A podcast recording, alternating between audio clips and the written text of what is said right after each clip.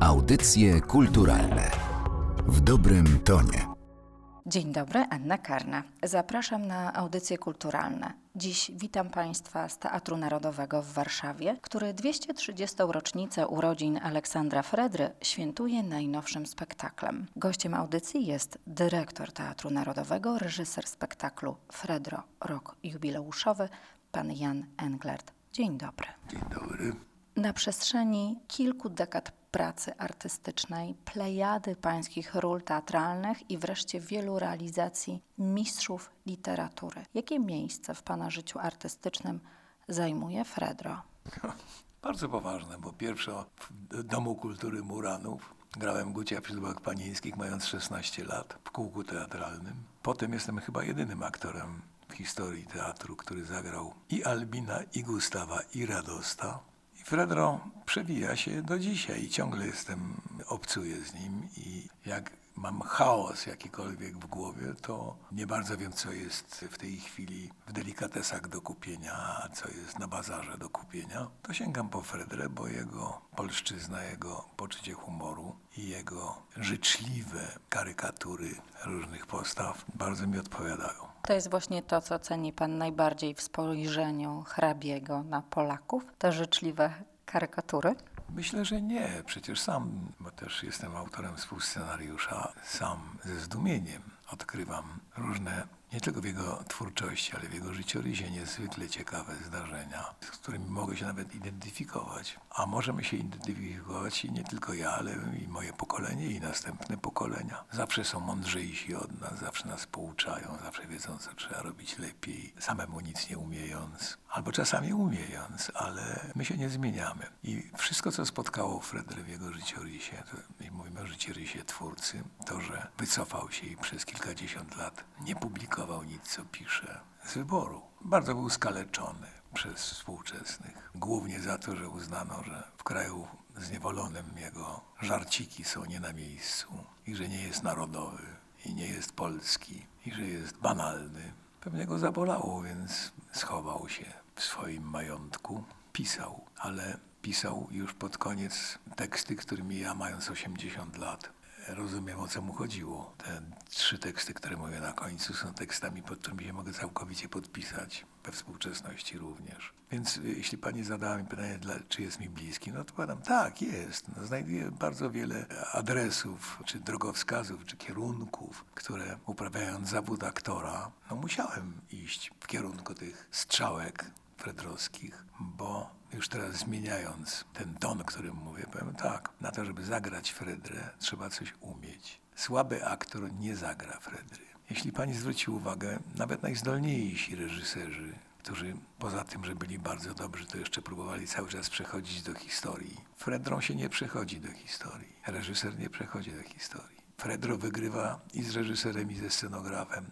No czasem przegrywa z aktorem, ale to bardzo rzadko. Raczej aktorzy nawet się z nim nie boksują, jeżeli już je podejmują grania Fedry. Wymyka się przeróbkom, wymyka się indywidualnemu czytaniu. Wymaga użycia instrumentów, które będą zrozumiałe dla współczesnego widza i tu jest tylko rola reżysera tylko w tym miejscu. Fredrze się nie da nic dopisać. Autorami scenariusza do tego spektaklu Fredro Rok Jubileuszowy obok pana są także pan Tomasz Kubikowski i Wojciech Majcherek. I oto jesteśmy świadkami sądu nad Fredrą na scenie Teatru Narodowego. Kogo zaprosili panowie na tę rozprawę? Bo grono jest niezwykle zacne. Myślę, że tam każdy znajdzie coś dla siebie. Przede wszystkim od tego trzeba zacząć, że nie ma w tym scenariuszu ani jednego słowa od nas. To jest albo to, co napisał Fredro, albo to, co napisano o Fredrze. Nawet proces, który mu wytaczamy, jest zgodny z historią, bo Fredro miał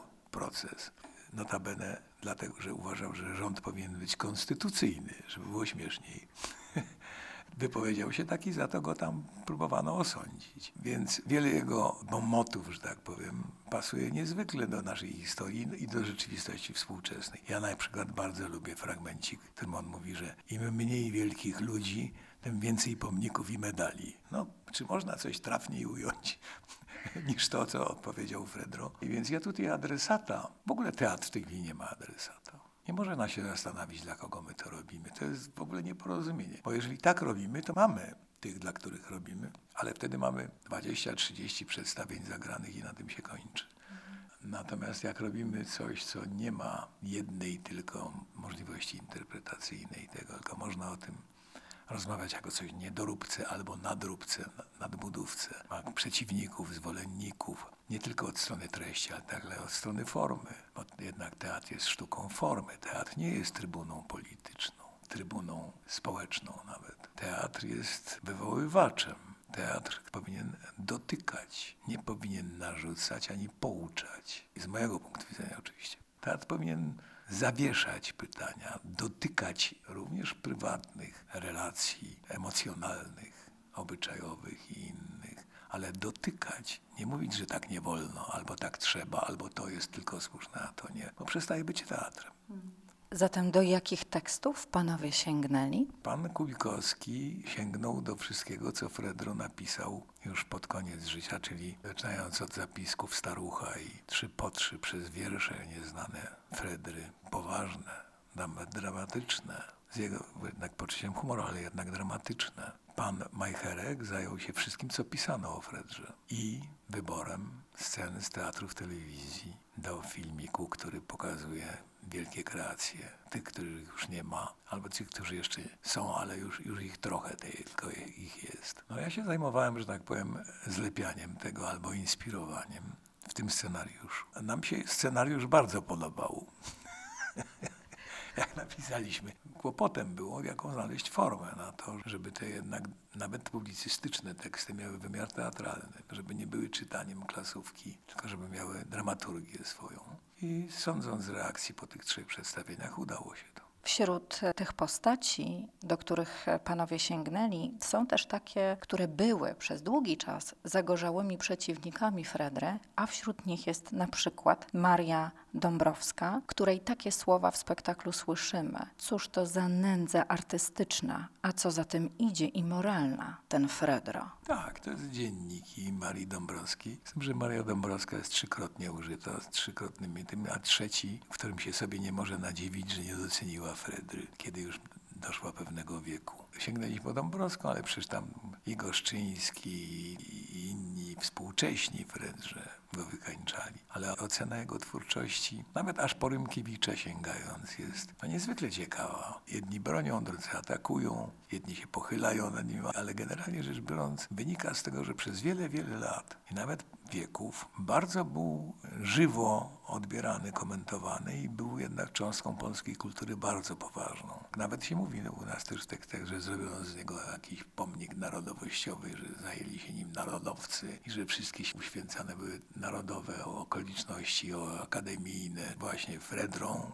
trochę tym był też. I ten jego, jak gdyby, poważny zapis napoleońskiej wojny i niewoli, tej, który jest, myślę, że dla wielu osób, które przychodzi na przedstawienie, jest zaskoczeniem. Jest nieznany. Fredro serio, Fredro dramatyczny, tego nie znamy, a jest niezwykle piękny niezwykle interesujący. Również Norwid, którego powołujemy, powiedział, że nie Mickiewicz, nie Juliusz, nie Zygmunt, tylko Fredro jest naj, jak się wyraża, polskim poetą. Jak się człowiek zanurza w historię teatru, a więc miejsca, które zależy od publiczności i który żyje tylko w czasie teraźniejszym, nie ma przeszłości, nie ma przyszłości. Jak się w to człowiek zanurza, to to jest strasznie zabawne, że właściwie mechanizmy, które funkcjonują w społecznym życiu naszym, poglądzie na świat, zakresie humanizmu i egoizmu, one się nie zmieniają, proporcje się tylko zmieniają. Jesteśmy bez przerwy tacy sami, a szczególnie sądzę Słowianie, a w Słowianach szczególnie sądzę my Polacy. Jesteśmy nie do zreformowania. Proszę zwrócić uwagę, Polacy w jego sztukach są niezwykle sympatyczni. Mają swoje wady okropne, ale czy choć jedno zna pani negatywną postać do końca u Fredry? Nie.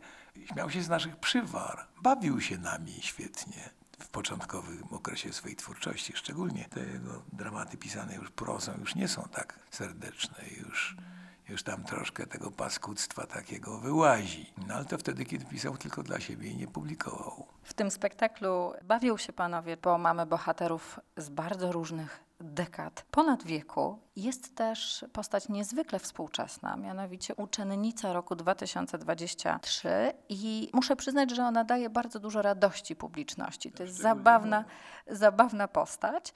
Ja początkowo myślałam, że to jest e, żart, ale potem naszła mnie taka refleksja, że może to jest dokładnie tak jak u Fredry, że się śmiejemy, potem robi się gorzko. Może nie mamy za bardzo z czego się śmiać. Mnie to śmieszy. To jest też syndrom czasu. To jest zresztą autentyczne wypracowanie. To nie jest napisane przez nas. To jest autentycznie wzięte z internetowej pracy domowej, odrobionej i umieszczonej w internecie. Ja to rozumiem. Śmieszne jest tylko to, że można tak przeczytać Fredrę. W szkole, jak mi proponują studenci czasami swoją wersję tego, to też jestem zdumiony, a potem sobie, a dlaczego nie? Spróbujmy. Może być bardzo ciekawe. To jest wszystko właśnie na tym to polega, że dobry dramat, dobra literatura teatralna wytrzymuje próbę czasu. Czy zgadza się pan ze słowami Jerzego Leszczyńskiego? Trzeba być aktorem, aby zaznać pełnej rozkoszy obcowania z Fredrą. Ja się zgadzam, ale miałem do czynienia z rocznikami w Akademii Teatralnej, gdzie to była kara, że się zajmują Fredro, a nie dreszczyk emocji. To wynikało również z tego, że jednak Fredro to jest forma i styl. Rozmawianie wierszem, nie mówienie wiersza, rozmawianie wierszem. Słaby aktor tego nie zrobi. Już trzeba coś umieć, trzymać się jakichś reguł, tak mówić wiersz, żeby wyglądał na rozmowę. To wymaga już rzemiosła. A która z postaci fredrowskich, tak wiele ich było w Pana życiu, dała Panu największą satysfakcję albo dziś darzy Panią największym sentymentem? No muszę Gucia, dlatego że go grałem trzy razy, od 16-latka, potem Łapickiego. Kręci się koło mnie Gucio cały czas, ale to nie to, że ja Gucia kocham ze ślubów panieńskich. Grałem łatkę też przecież. Co prawda nie wiem, czy grałem łatkę, czy grałem wysiłek, żeby nie grać Łomnickim łatki. Strasznie się męczyłem, żeby nie grać tak jak Łomnicki. Zamiast grać po prostu łatkę, to męczyłem się, żeby zapomnieć, jak grał Łomnicki. Grałem wiele tych ról. Reżyserowałem męża i żonę, nawet nagrodzonego w teatrze telewizji. Ale jak oglądam siebie ze ślubów panieńskich sprzed 40 lat, to wiem, że tak nie wolno było grać. Dzisiaj już tak nie dałoby się zagrać. Wtedy były idealne, było uznane za wielkie przedstawienie. W tej chwili już jest bibelotem. To jest jeden z dowodów na to, że jednak teatr to jest konwencja. To jest ten sam tekst inaczej kompletnie podawany, nawet zrozumiany inaczej. Nawet żarty fredrowskie niektóre, które kiedyś bawiły, nie bawią, a inne, których nie podejrzewaliśmy, są w tej chwili kompletnie aktualne. To jest siła dobrej literatury. Na scenie Teatru Narodowego występuje plejada aktorów tego teatru. Moje wrażenie było takie, że to była wielka przyjemność grania Fredry w innym niż przywykliśmy sposobie. To był zupełnie inny pomysł, ale patrząc na aktorów miało się wrażenie ogromnej przyjemności. Od samego początku, już jak pisaliśmy scenariusz, wiedzieliśmy, że to się może udać pod jednym warunkiem, że my się sami tym będziemy bawili. I że od samego początku wymyśliłem konwencję, w której jak gdyby od razu narzucam widzowi to, że mają się bawić z nami. Jak nie będziecie z nami bawić, to będzie gorzej. To jest jedno z tych nielicznych takich możliwości teatralnych, gdzie nie wprowadzamy widza w żaden świat sztuki, czy historyczny, czy przyglądamy się tym, którzy cierpią, sami nie cierpiąc. Nie, mamy się bawić razem. Jeśli publiczność się nie bawi, to i nam nie smakuje nasze poczucie humoru też. To jest bardzo miła konwencja. To, że zdarzają się na każdym przedstawieniu inne reakcje, że się zdarzają rzeczy, których nie jesteśmy w stanie przewidzieć. Bawi nas to niezwykle. Nawet czekamy na to, co się stanie w niektórych momentach, wiedząc, że tam się może coś stać. Ja z kolei, jako już reżyser tego przedstawienia, przez całe półtorej godziny jestem czujny jak zając na lisa. No, słucham, oglądam, patrzę, ale nie tylko na widownię, również na kolegów, co ich bawi dziś i co ich dziś rozbawiło, bo my się też bawimy. Co wieczór to przedstawienie jest inne. I to jest wielka frajda, że tutaj zawsze w przedstawieniu widz jest współtwórcą, ale w tej konwencji jest nie współtwórcą, jest nawet twórcą. Wielka frajda to jest mieć natychmiastową odpowiedź na to, czy się dogadaliśmy. A przy okazji Fredro może się wytłumaczyć, bo o tym jeszcze nie powiedzieliśmy, że Fredro mówi o tym, co myśli o tych wszystkich oskarżeniach. I o sobie, bo jednak w tekście, który mówi, że mnie miał szczęścia do ludzi, że mnie obrażał często, gęsto, za to płacę po dziś dzień. A więc to nie jest to, że on ma tylko pretensje. On ma pewną świadomość tego, że nie płynąc z prądem, a trzeba pamiętać dla usprawiedliwienia z kolei oskarżycieli. On pisał w Polsce pod zaborami, zniewolonej. Jego zdaniem należało właśnie polskim językiem wtedy bawić i samymi sobą bawić, bo kryteria ocen moralnych, publicznych i tak dalej były czyste, jasne. Patriotyzm to jest bardzo zabawne, bo żaden z y, krytyków Fredry nie uczestniczył czynnie w służbie wojskowej. Fredro jest jedynym z naszych wieszczów, który rzeczywiście walczył. Może dlatego później pisał komedię. Ci, którzy nie walczyli, pisali wyłącznie dramaty. Oczywiście to jest, nie brać proszę tego serio, co mówię, ale to nie jest głupie spostrzeżenie. Zresztą w jednej z tych recenzji tam jest, że on po prostu uważał, że, że trzeba się bawić na to, żeby móc żyć. Stwierdził, że sam siebie śmieje, wpadł palec w kałamarz jak zasnął i zaczął pisać. Zapraszamy Państwa do Teatru Narodowego na spektakle Fredro Rok Jubileuszowy. Najbliższe spektakle 17 i 18 stycznia. Gościem audycji kulturalnych był dyrektor Teatru Narodowego, reżyser spektaklu pan Jan Englert. Bardzo dziękuję za to spotkanie. Dziękuję uprzejmie. Audycje kulturalne w dobrym tonie.